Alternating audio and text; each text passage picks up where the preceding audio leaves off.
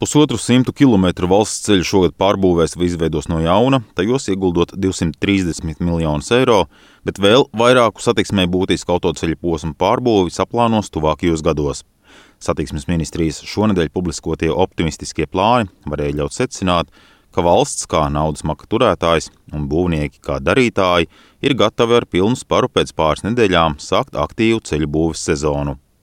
Taču tad runāt sāka paši ceļdari – ko pārstāv biedrības Latvijas ceļu būvētājs vadītājs Andris Bērziņš. Nu, mēs esam pašlaik ļoti lielās pārdomās par to, ko darīt, jo pēc divām pusnedēļām jāsāks būvniecības sezonai, ceļu būvniecības sezonai, bet jāsaka godīgi, ka viss tās, kas ir svarīgākās preces, preču cenas ir uzskrējušas debesīs.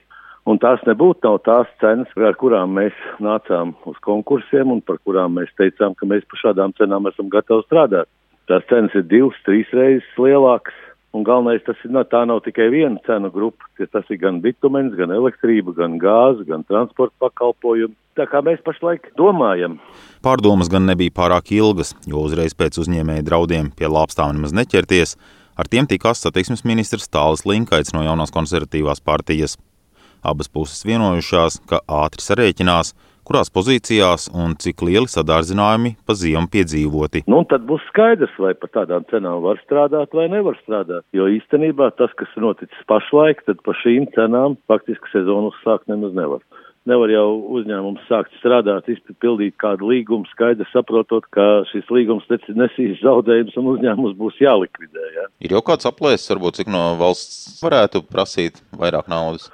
Grūti pateikt, es domāju, ka tur ir vairākas risinājumi. Valsts ceļiem ir divas iespējas. Vai nu sākt prioritizēt tos darbus, kurus viņi sludinās vēl, jeb vērsties pie finanšu ministrijas un teikt finanšu ministrijai, ka tā starpība ir jānokompensē. Nu, tas būtu tikai godīgi un cilvēcīgi. Tomēr par kādu ceļiem trūkstošu kopējo summu pašlaik nav gatavi runāt nec uzņēmēji, nec nozars ministrs Linkaits. Es pieņemu, ka viena daļa no šiem iepirkuma līgumiem var tikt pārlikti uz laiku, kad cenas atgriežas daudz saprātīgākā līmenī. Par lielāko darbu daļu mēs pašlaik meklējam risinājumus, lai gan objekts tiktu pabeigts, gan arī mēs kā pasūtītājs par šiem darbiem nepārmaksātu.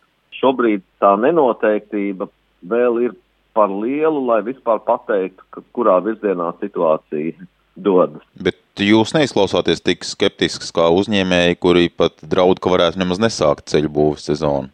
Tas ir uzņēmēju prerogatīva paust bažas par dažādiem ar līguma izpildu saistītiem apstākļiem, taču mēs redzam, ka, piemēram, degvielas cenas jau ir sākušas samazināties. Vai un cik prasīsiet finanšu ministrijai papildu naudu? Neplānojam šobrīd neko prasīt. Tuvākajās nedēļās uzņēmums Latvijas valsts ceļ gan rēķinās, no kādiem ceļu atjaunošanas plāniem varētu atteikties vismaz uz laiku. Un izmaksu kāpuma laikā to rosina darīt arī Fiskālās disciplīnas padome, kas norāda, ka valsts parādu audzēt nebūtu prātīgi, ka cenu palielināšanos veicina pati valsts ar lielāku tērēšanos, un inflāciju piebremzēt varētu kādu naudas ziņā ietilpīgāku plānu atlikšana. Padomas loceklis Mārtiņš Aboliņš, kas ir arī bankas citadela ekonomists, rosina arī rūpīgi izvērtēt, vai cenas vispār ir tik ļoti kāpušas, kā apgalvo uzņēmēji. Šī situācija būvnieku prasa, teiksim, pārskatīt finansēt nav pārsteigums. Ņēma vērā arī tas, ka no valsts puses šogad investīcijām ir atvēlēta būtiski vairāk naudas nekā iepriekšējā gadā, kaut kā aptuveni 25% vairāk. Un tas, protams, teiksim, kopējo cenu kāpumu arī veicina. Jautājums, teiksim, cik šobrīd tās prasības pamatotas, ir grūtāk spriest. Skaidrs, ka degvielas cenas ir kāpušas, būvmateriāla cenas ir kāpušas salīdzinot pagājušo gadu, vai šie kāpumi turpinās. Nu, tad no valsts puses ir, manuprāt, jāizvērtē, teiksim, vai ir nepieciešams īstenot visus projektus, jo mm, šīs varētu būt nu, tikai pirmās prasības, vismaz ar līdzīgām prasībām mēs saskarsimies arī citās jomās. Mēs jau redzam, ka šogad bija plānots diezgan apjomīgs budžeta deficīts, tādēļ palielināt pilnīgi visās pozīcijās finansējumu. Gan nav vajadzības, gan arī tas veicinātu tālāk cenu kāpumu. Ja valsts nebūs gatava indeksēt noslēgto līgumu summas, būvnieki aicina pagarināt izpildes termiņus vai ļaut nestrādāt nemaz un laust līgumus bez soda sankcijām. Edgars Kupčs, Latvijas radio.